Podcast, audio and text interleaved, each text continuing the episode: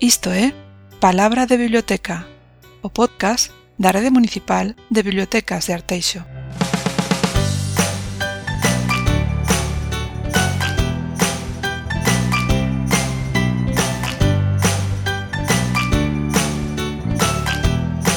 Ola, este o podcast da Rede Municipal de Bibliotecas de Arteixo Palabra de Biblioteca, edición confinamento Hoxe é martes, día 28 de abril Eu son Fidel Mouza, axudante de bibliotecas na Rede Municipal de Arteixo E hoxe si está José Luis Alonso Torreiro Que tal, José Luis? Parece que a cousa vais enderezando, non?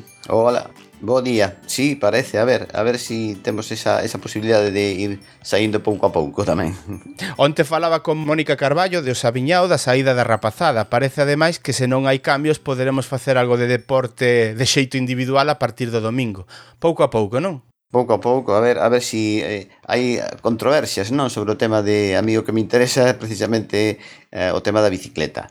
Eh, falan de running e tal, entonces en plan individual, pero a mí interésame como pode ser o tema da, da bicicleta. Eh, por un lado, parece ser que, que sí que poden ir em, xuntos a xente, pero guardando distancias de 10 metros máis ou menos entre cada un. Eh, e outros din que no, que sería un perigo a bicicleta, sin embargo, por outro lado tamén se di que a bicicleta se está intentando meter como medio de transporte alternativo despois aos, aos buses, porque vas máis individual, e En fin, hai moita controversia, moita historia e hasta que sepamos as normas, pois aí queda, non? Eh, queda como un a ver que pasa. Mellor a prudencia, efectivamente. Parece que grazas ao podcast estamos a conseguir tráfico ás nosas redes sociais e inversa, e as redes sociais levan un consigo un número de escoitas ao podcast. Eso a verdade que é moi boa, é unha ledicia. Lembrade que podedes usar facebook.com barra biparteixo, twitter.com barra biparteixo e o blog palabradebiblioteca.wordpress bibliotecas.com e ademais do correo electrónico biblioteca.arteixo.org para os vosos comentarios, apoios, etc. Imos coa nosa convidada de hoxe, eh, señor bibliotecario. Hoxe ben, a palabra de biblioteca coa, o a xefa, a xefa do, do servicio, a ver, a xefa total, a xefa política. Bos días, Ana Bello Vázquez, Concelleira de Cultura de Arteixo. Hola, moi bos días a todos, que tal estades? Pois moi ben, por aquí. Bos días. Supoño que ben. Bueno, pois eu aquí levando o confinamiento da mellor maneira que podo, procuro guardar unha certa disciplina dentro da monotonía, porque se non despois volver á vida real vai a costarme moito máis.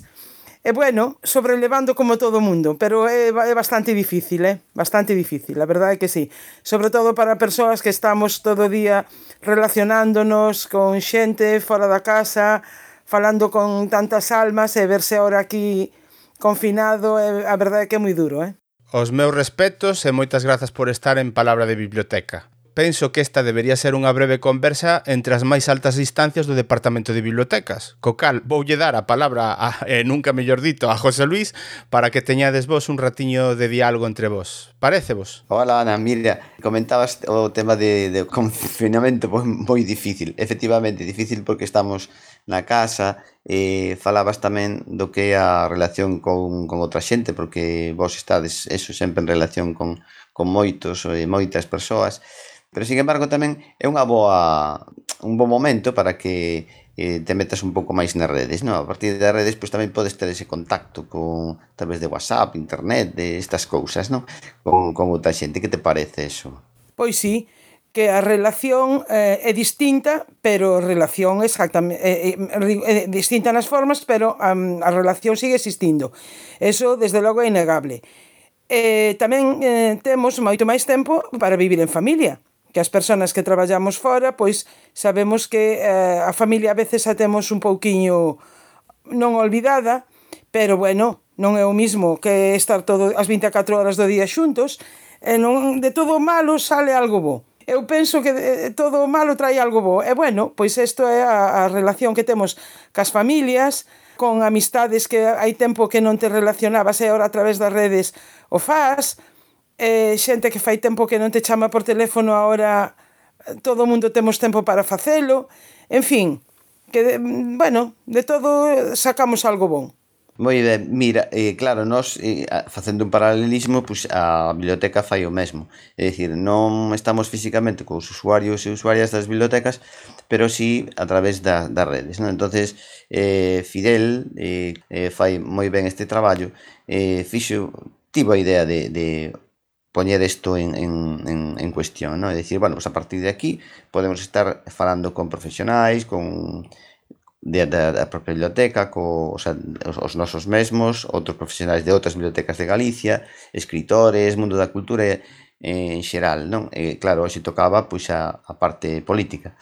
Entón, este paralelismo, pois, isto é, como que di, hoxe é, é un día máis, é un, un, un fillo máis no? de, deste, deste podcast. entonces ti como, como ves estas iniciativas da, da coñeces o que estamos facendo desde a biblioteca?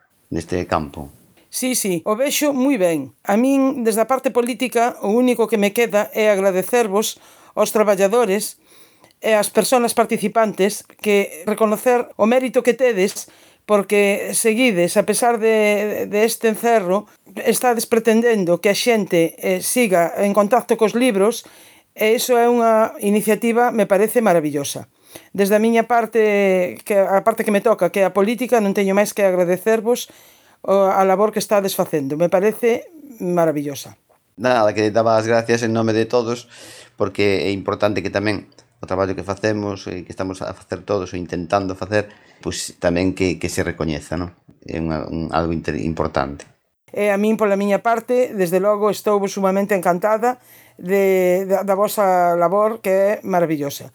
Eh, xa en, en todos os ámbitos e todo o ano, durante todo o ano non teño máis que darvos os agradecementos ao personal de bibliotecas. Perdoade un momentiño, o único que quero decirvos é que, bueno, eu penso corroborar un poquinho que estades dicindo vos, realmente cando eh, se está facendo este esforzo de chegar ás, ás persoas usuarias das bibliotecas é intentar buscar ese complemento ou intentar manter ese, esa ponte tendida cos, coas persoas usuarias eh, nun servizo que é fundamentalmente presencial, facelo dunha maneira virtual. Este, este mes, eh, o mes de abril, eh, era precisamente un mes clave nas bibliotecas que era o, precisamente o mes do libro, no? Celebración do Día Internacional do Libro Infantil e Juvenil, Día Internacional do Libro e Dereitos de Autor, en fin, todo este mes de abril estaba moi completo con actividades dentro das bibliotecas, viñan colexios tamén a, a, as bibliotecas e rematábamos o este sería este sábado 25 con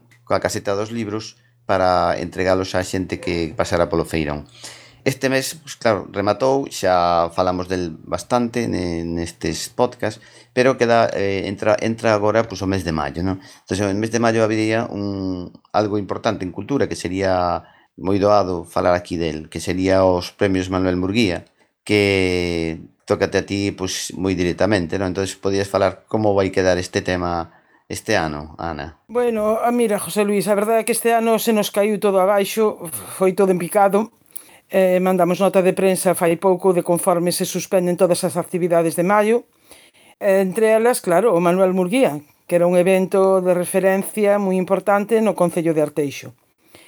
O xurado vai a dictaminar igual quen é o, o gañador, os gañadores, se vai adjudicar o premio na mesma, pero non hai evento público.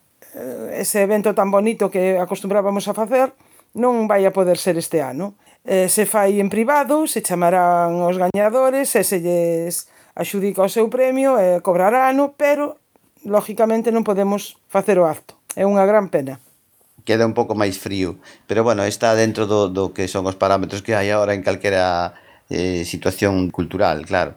Xa están Home, claro. dicindo que que, que o tema cultural pues, vai ser como todo o tema de ocio en xeral e, e de en xeral, de xente ser...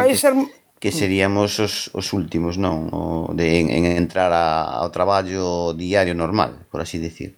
Pois sí, tristemente no así é.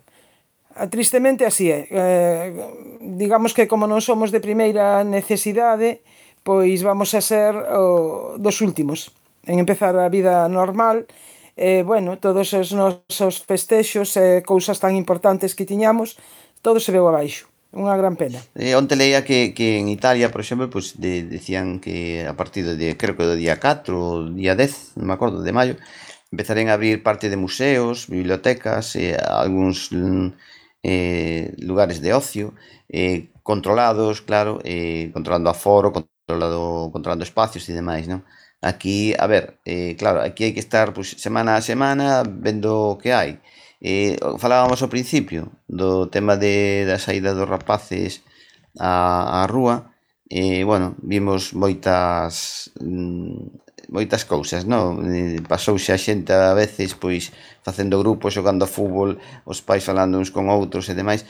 E claro, hai que ser conscientes de que a partir de agora vai a ser a propia persoa, somos vamos imos ser nós os que decidamos si vai haber máis confinamento ou non, é dicir, hai que eh, seguir as regras como, como, como se debe, senón os contagios van a ser maiores e iso obrigará a maior confinamento, non te parece? Claro que sí, aquí agora o único que nos queda é apelar ao sentidiño común da xente, porque non nos queda outra, eh, a ver cando, ahora que empezaron a salir os nenos, viuse un pouquiño de todo, a ver agora que vai a pasar o día o día 2 cando nos deixen salir a facer deporte eh, é que todo todo eh, eh, ten que ser baixo a responsabilidade ciudadana. Si non non hai nada que facer, porque o peor sería un rebrote, bueno. imagínate. No, eso xa eh, sería... Sí, claro, es que mm, eso sería caótico. un peligro, porque o peligro está aí, ¿no? Sabemos que está aí. Entonces a, a utilización de de todos os medios que podamos para e impedilo, pois tamén vai a ser nosa, non? A, a responsabilidade.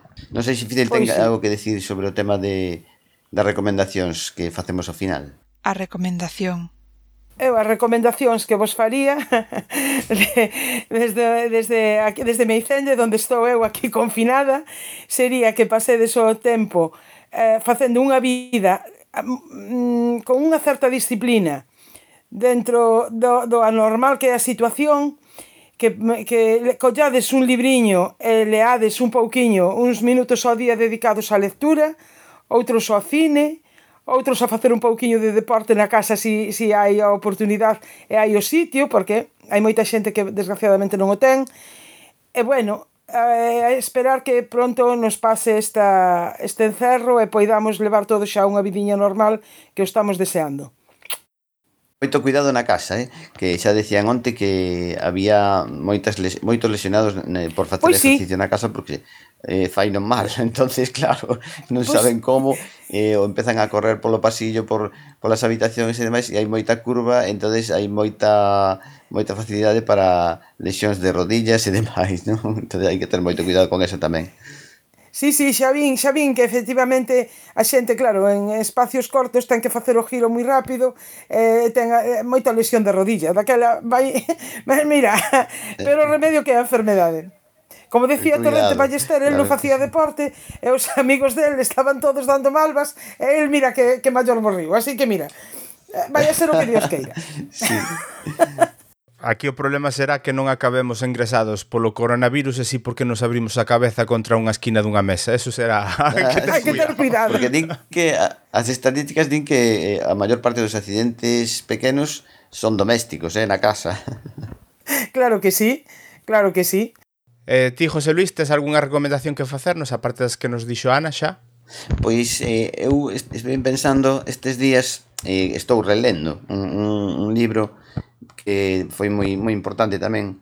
Eh, na miña vida gustoume moito porque é, un, é como un, unha gran aventura de, de, desde o principio, desde os primeiros mm, as primeiras as idades máis tempranas hasta casi a morte de unha autobiografía de, de Pablo Neruda confieso que he vivido. Un libro precioso, un libro de aventura prácticamente unha vida eh, pues, envidiable, por así decir de, deste de señor eh, que, bueno, recomendo para, para estes días de, de confinamento porque, ademais, é un libro que se lee con unha facilidade asombrosa.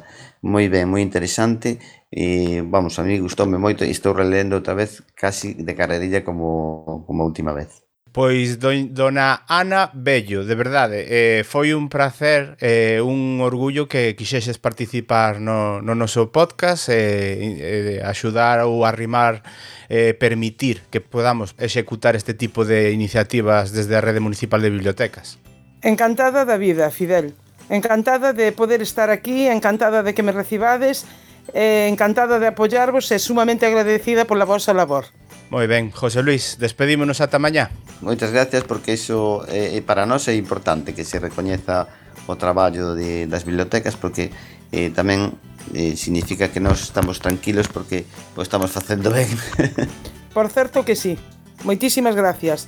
Bueno, pois entonces despedímonos e mañán volvemos a escoitarnos en Palabra de Biblioteca.